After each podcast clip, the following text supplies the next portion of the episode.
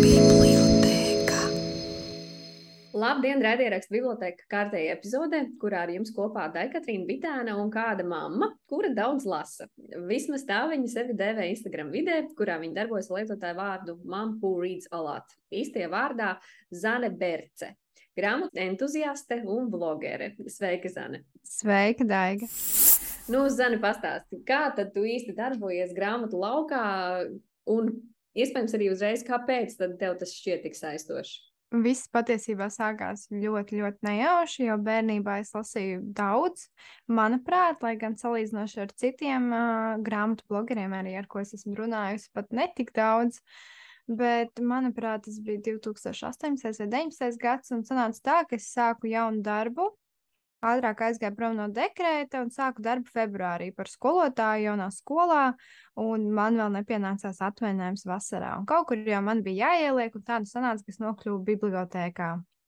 Un, kad tu esi starp grāmatām, tu nevari vienkārši viņas atstāt darbā un iet mājās. Tu viņas ņem līdzi.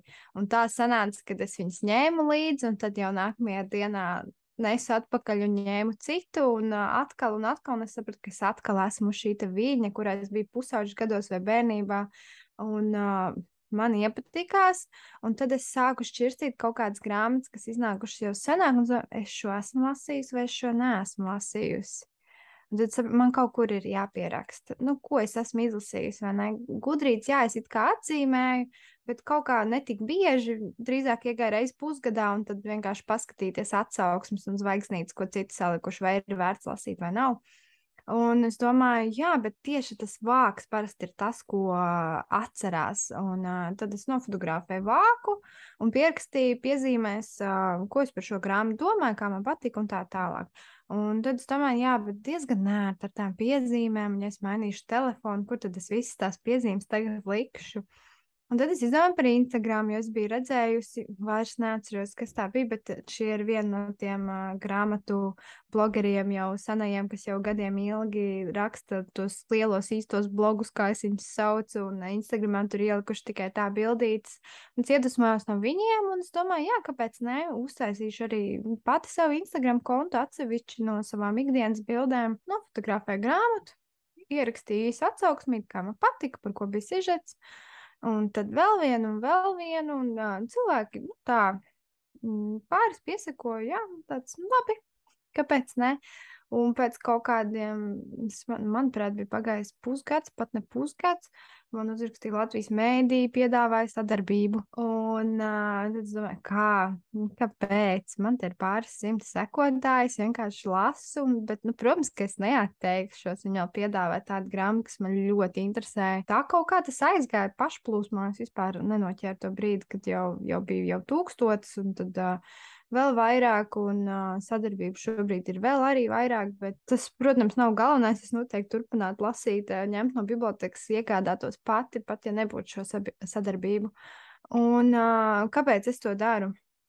Kāpēc es vēl joprojām to daru? Jo ik pa brīdim ir tāda mirkļa, kam tas vispār vajadzīgs, kas to lasa. Tikai tie grāmatu blogeri, kas dara to pašu. Jo citreiz ir tā sajūta, ka kurš tad lasa tās atsauksmes, tikai tā mūsu iekšējā komūna. Es lasu citu grāmatu blogeru atsauksmes, viņi lasa manējās, mēs viens otram komentējam, kā mums arī patikuši, patikusi šī grāmata, vai, oh, jā, šis ir jāizlasa. Uh, Bet uh, patiesībā jau tā nav. Ik pa laikam ienāk visādi ziņas. Paldies, ka tu raksti atsauksmes, vai jā, tā grāmata, ko tu izlasīji, arī izlasīju, un bija lieliska. Un tad patīkami jau ir cildoša sajūta uzreiz, ir, ka jā, tas, ko tu dari sev brīvajā laikā, noder. Un es vienmēr rakstu godīgas atsauksmes, lai gan es vienmēr arī akcentēju to, ka tas, kas man patika, tas. Um, rezonē ar manu pieredzes prizmu, un ka tas var nesaiet ar tavējo, jo es esmu pieredzējusi tur, piemēram, to un to, un tu esi uzaugusi pavisam citos apstākļos, un tev tas vispār, nu, nekādīgi nesaistīs. Man liekas, nu, ko viņi te raksta, noteikti reklamē grāmatas, bet nē, viss vienmēr ir simtprocentīgi godīgi. Es nekad nerakstīju par grāmatu, ko man viņa patika, ja man viņa nepatika. Un vienmēr akcentēju to, jā, ka, ja man patiks, nenozīmē, ka tev patiks. pēc tā, kā tu stāsti, izklausās, ka tā tava iekšējā motivācija primārā vienkārši bija radīt tādu kārtību un sistēmu pašai priekš sevis. Uh, nu, vietu, kur veidot piezīmes par grāmatām. Un tu, atšķirībā no, teiksim, no tās privātās kladītes vai privātā Excel faila vai telefona, kur nu mēs katrs ko fiksējam, uh, Uh, tu to vienkārši vienā brīdī izdarīji, izvēlējies padarīt publisku. Jā, tieši tā. Un izrādās tieši tā, ka tas kādam vēl arī nodara. Un patiesībā, uh, nu jā, es teikšu tā, ka jūs tā iekšējā blogeru komūna, cik es esmu sapratusi, arī runājot ar citiem, jūs, jums patiešām viņa tāda cieša, un jūs citu, citu ļoti atbalstat, kas man liekas, ka ļoti fēni, jo tas tāds ļoti labs tāds socializēšanās veids un domu un ideju pieredzes apmaiņas vieta. Bet, nu, man kaut kā gribētos teikt, nu, ja tev ir jau tev tuvu 2000 sekotājiem, nu, es tiešām šaubos ka tie visi ir grāmatu blogeri. Tātad kaut kas eh, no tā, ko tu dari un radi, eh, noteikti ir interesants eh, arī tiem, kas ir ārpus šīs komunas. Un es, piemēram, arī, te, teiksim, arī skatoties pati savā pieredzē, Nu, es meklēju, es varbūt nesakoju visiem grāmatu blogeriem, tā kā jūs iespējams darat cit citam, ja? bet uh, es meklēju avotus, kas manā vietā spēj izsijāt un izšķirot to informāciju tajā segmentā, kas man ir interesējoši. Un šajā ziņā man liekas, ka tas grāmatu blogeru pienesums ir milzīgs, jo īpaši tāpēc, ka jūs nerakstat tikai un nestāstat tikai par jaunajām grāmatām. Jūs stāstat arī par senām grāmatām, grāmatām, kas ir iznākušas pirms laika, un man liekas, ka tā ir tā lielā pievienotā vērtība, ka, ka grāmatu blogeri apskata ne tikai jaunāko, bet konkrētu tematu, un attiecīgi viņiem pievelkus un pierazanē tie cilvēki, kas iespējams ir konkrētajā tēmā. Jā, tā kā, nezinu, Google ko šodien izlasīt, un tad ienāk kāda grāmatu blogeru profilā. Aha, skaidrs. Starp citu, vēl desmit minūtes pirms mēs saslēdzāmies, es tā izritināšu, ko, ko pēdējā laikā es nu, nosējoju tos ierakstus, kas man patīk, ka pēc tam ir ērtāk aizies biblioteku. Tad es ar tiem nosējotājiem tagad skatos, ok, kilometrs grāmatu ierakstīs, labi atsauksmi, piecas zvaigznes, piesakos rindā bibliotekā. Un tad Tā tev visu laiku piepūst jaunas grāmatas, ko citi atzinuši par labām, tu arī vari novērtēt. Man tāpēc patīk arī mūsu piedzīvot lapuses aiz Bremšmits podkāsts. Ikmēneši mēs atkal atgriežamies ar Patreon sērijām, kur mums ir ikmēneša tēma. Piemēram, mums ir bijusi tēma ziema, un tad mēs vienkārši stāstam par grāmatām, ko esam lasījuši, kas mums ļoti asociējas ar ziemu. Vai tur uzreiz domā par sniegs, slēpošanu, kalnos kāpšanu, nu, viss, kas asociēts, tieši tāds, o, oh, šo izlasīt ziemā vai saistīts ar Ziemassvētkiem. Un tas man liekas super forši. Mēs tieši atlasām, vai mums bija arī erotiskie romāni. Tad tie, kam interesē šie, tad mēs padalāmies, ko mēs esam izlasījuši, un, un, un, kuri mums šķita labi esam, un uh, kuri netik kvalitatīvi. Jā, un es tieši tāpat izmantoju grāmatu blogeru komūnu, kā iedvesmu sev, ko lasīt, uh, tāpat kā jebkurš cits. Šortliste gājienam uz bibliotēku vai gājienam uz grāmatnīcu var nākt no grāmatu blogeru uh, atsauksmēm. Šis ir brīnišķīgs veids, kā ļoti ātri nonākt pie informācijas un labām grāmatām, un faktiski nemaz nepieskarties tām, kas ir iespējams nu, nekvalitatīvākas. Jā, tieši tā tas arī ir. Un agrāk es izvēlos grāmatas pēc smukiem vāciņiem. Man pat ir um, raksts saldus zemē avīzē, kur uh, virsraksts ir skatos uz smukiem vāciņiem. Nu, kaut kā tā.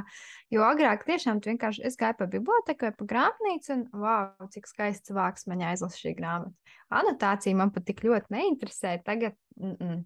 tikai es izlasu anotāciju, Mm, man interesē, paskatos, varbūt kāds ir par šo grāmatu jau kaut ko uzrakstījis, bet atkal citreiz ir pilnīgi pretēji. Es zinu, ka grāmata drīzumā būs, un es nelasu neko, ko citi blogeri ir uzrakstījuši, jo es negribu, lai man sabojā to pirmo satikšanās prieku. Tas ir ļoti dažādi. Es par grāmatu šaubos, es paskatīšos, ko citi ir uzrakstījuši. Es simtprocentīgi uzreiz zinu, kas viņu lasīšu. Es neskatos, es izlasu, un tad paskatos, ko citi arī domāja.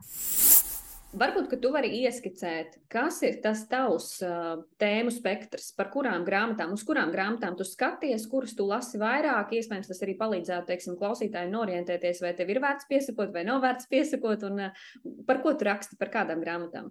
Patiesībā man ir ļoti plašs tas spektrs, jo man patīk iepazīties ar visu, kas ir jauns un uh, ko es uh, spēju izlasīt, viss, kas iznāk. Bet nu, lielākoties tie ir uh, nu, vairāk vēsturiski romāni. Vismaz es cenšos vairāk tos lasīt, bet nu, iznāk ļoti daudz uh, jaunu grāmatu. Tad sanāk arī pieķerties vis kaut kam citam. Piemēram, thrillers un detektīvs es retāk lasu, un tāpēc es cenšos izvēlēties tādus kvalitatīvākus, bet tajā pašā laikā Uh, tie, kas ir detektīvu veterāni, kā viņus sauc, viņi atkal tos neteiks par superkvalitīviem, jo viņiem tur patīk Keplers un UNSB, bet es atkal esmu nu, tāds reizi mēnesī vai reizi divos mēnešos pieķeršos kādam trilleriem, tāpēc man labāk patīk izvēlēties vieglus trillerus un detektīvus. Un ļoti daudz es lasu arī bērnu pusauģu literatūru, mm, par kuru es ļoti priecājos. Salīdzinoši, kaut arī es izaugu 90. beigas un 2000. gada sākums, un man jau bija pieejama diezgan jau plaša bērnu literatūra, kad salīdzinoši bija pirms tam, bet pusauģu literatūra atkal tajā laikā bija tāds kaut kas starp pārāk bērnišķīgs un jau pieaugušajiem. Un tāpēc es šobrīd ļoti priecājos par pusauģu literatūru, kas iznāk mūsdienās, kas tiešām ir akcentēta šim vecuma posmam un runā par problēmām, ar kurām saskarās pusauģi šajā vecuma posmā.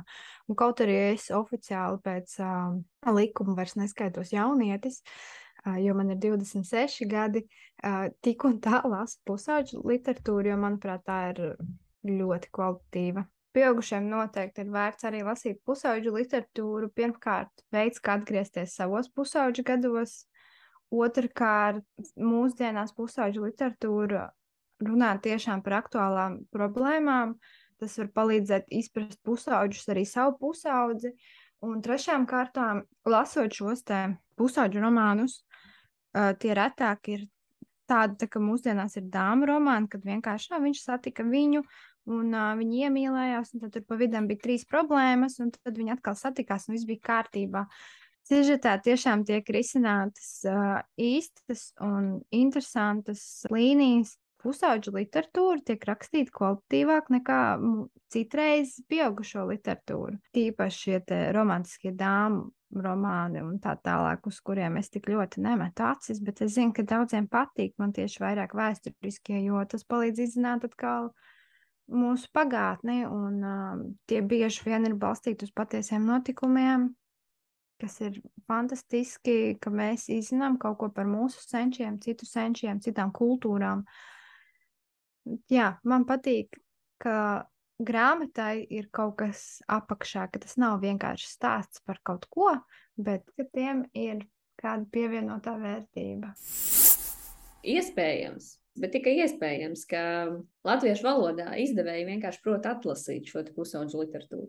Jā, jo mums ir brīnišķīga izdevniecība Liels un Mazs, piemēram, un Aminorī arī bija sirds plaukstā, kas arī brīnišķīgs romāns. Un Latvijas mēdī arī šo to izdevuši ir tieši jaunākajam pusauģu vecuma posmam. Jā, mēs mākam atlasīt uh, tūkotajā literatūrā tos uh, labumus, ko mēs varētu iztulkot. Un uh, atkal mums, manuprāt, latviešiem ir vairāki tiešām superīgi autori, kas arī raksta pusauģiem. Piemēram, Luīza Pastori un kādu panākumu viņai bija šogad un pagājušajā gadā ar laimes bērniem. Un šī grāmata ir tiešām fantastiska. Tas ir ne tikai meistardarbs literatūrā, bet arī māksliniecisks meistardarbs. Un, uh, Es jau esmu kaut kur šo teikusi, bet šie autori būs nākamie mūsu Rainis Aspazīja, Jaunsadrabiņš un tā tālāk. Un man ir liels prieks par to, jo ir arī, protams, tādi, kas, nu, kā jau teicu, dāmas romāns raksta, un tad ir tie, es negribu atkal nopelt dāmas romāns, bet, nu, tā nav nekvalitīva literatūra, tā vienkārši ir, nu, manuprāt, bez pievienotās vērtības. Bet arī tāda ir nepieciešama, lai vienkārši atslēgtos no pasaules viegli lasām vielu. Un atkal ir šie, kas, kur ir milzīga pievienotā vērtība, kas izve, veikuši milzīgu izpēti, lai uzrakstītu šo grāmatu. Un tas ir vienkārši fantastiski. Tu minēji to, ka Ar tevi sāka sadarbības veidot izdevniecības jau tad, kad tev bija pārsimt sekotāji, kas man liekas ļoti, ļoti interesanti, un tas man liekas arī ieskicē to, ka grāmatu blogeriem tomēr ir kaut kāds spēks Latvijā, ka izdevniecības novērtē to, ka jūs rakstat par šīm grāmatām, ka jūs dodat tās kvalitatīvās atsauksmes, kā tev šķiet? Domāju, ka jā, tad, kad tas viss sākās man, tad es baigi nemanīju, ka citiem arī ir šīs sadarbības. Nu, es domāju, ka, nu jā, ka varētu būt tīpaši šiem veterāniem. kas raksta tās lielās garās atsauksmes savos blogos. Uh, Bet uh, es tiešām neredzēju, ka, uh, manuprāt, tas bija viens no pirmajiem cilvēkiem, kas vispār pierakstīja grāmatas atsauksmes beigās, ka grāmatas eksemplārs ir saņemts apmaiņā pret godīgu atsauksmi. Jo nu, viss šis pašā sākumā bija, tā, ka tu nesaproti, tā nav ne, īsti nekāda reklāma, mums neviens par to nemaksā. Tā ir vienkārši grāmata, bet tajā pašā laikā tu gribi, lai tas. Um, tava bloga lasītājs saprot, ka tu esi saņēmis šo grāmatu, lai uzrakstītu to atsauksmi. Būtu godīgi, es to kaut kā pieminētu, un tad atkal bija kaut kad arī tas skandāls ar to um, vidu kaut kādiem uh, influenceriem. Tad likās, nē, nu kaut kas obligāti ir jānorāda, nedod Dievs, un tagad uzliks sodu par to, ka es saņēmu grāmatu un uzrakstīju atsauksmi. Un, uh, tā mēs uh, vairāk tagad, jā, daudz tagad raksta, ka grāmatas eksemplārs saņemts apmaiņā pret atsauksmi.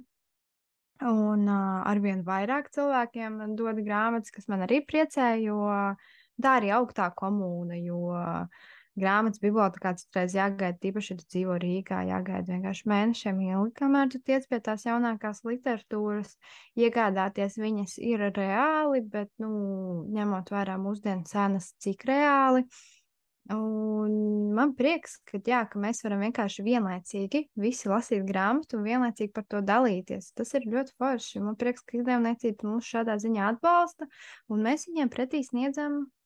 Tā laikam sanāk reklāmā, jā. Godīgu atsauksmi, bet izklausās, ka jums kaut kāda tāda sava iekšējā ētika jau ir izstrādājusies. Nu, kaut kā mēs dabiski, manuprāt, tas sanāca, jo tā jau tu nezini, vai kādam tā grāmata ir iedota vai nē, ja viņš to nekādīgi nemin. Bet man vienkārši, ka tas nu, godīgi būs, ja es pat to pieminēšu. Varbūt, ka tu vari noslēgumā nosaukt, iespējams, trīs, varbūt, kādu, varbūt divus, varbūt trīs, varbūt četrus, kā tu pati vēlēsies. Kas ir tie blogi, kuriem tu pati seko? Pirmām kārtām es uzticos Aijai no piedzīvot un Sandrai no pielasīt sirdi. Tālāk man ļoti patīk jaunais grāmatu bloks, ko viņa lasa. Protams, Ieva no misijas lasītāja, es viņai arī uzticos un Agnese izmeklē kilometrus grāmatu vēl. Un uh, pavisam noslēgumā top 3 grāmatas, ko es izlasīju pēdējā laikā, un kurās noteikti būtu vērts ieskatīties. Trīs māsas, par trīs māsām, kas ir izsūtītas uz ebreju nometni. Brīnišķīga grāmata, brīnišķīgs stāsts, uh, koncentrējās ne tik ļoti uz ciešanām, bet uz māsu mīlestību, kas man ļoti patika. Tad vēl Ingas Pizānes dzīs krājums lai kaut ko atsvaidzinātu ar dzēju arī pa laikam. Tas pats izmisums tikai ar puķēm. Inga Pizāna brīnišķīga dzēniece. Un internāts. Serhijas Žadans jaunākais Ukraiņu uh, tulkojums. Šī grāmata ir meistardarbs un es iesaku izlasīt jebkurām piecas zvaigznes plus plus plus nu, ko esam saņēmuši. Gan grāmatu blogeru rekomendācijas, gan uh, grāmatu rekomendācijas, gan ieskatījušies tādā grāmatu blogošanas, instagramošanas aizkulisēs. Tā kā liels tev paldies, Zane! Paldies, ka piekriti. Uh, ceru, ka mūsu klausītājiem bija gan interesanti un būs. Uh, Būs kādas rindas šajā sarunā, no kurām celties iedvesmu. Tā kā paldies tev un tiekamies citās raidierakstu epizodēs. Peace.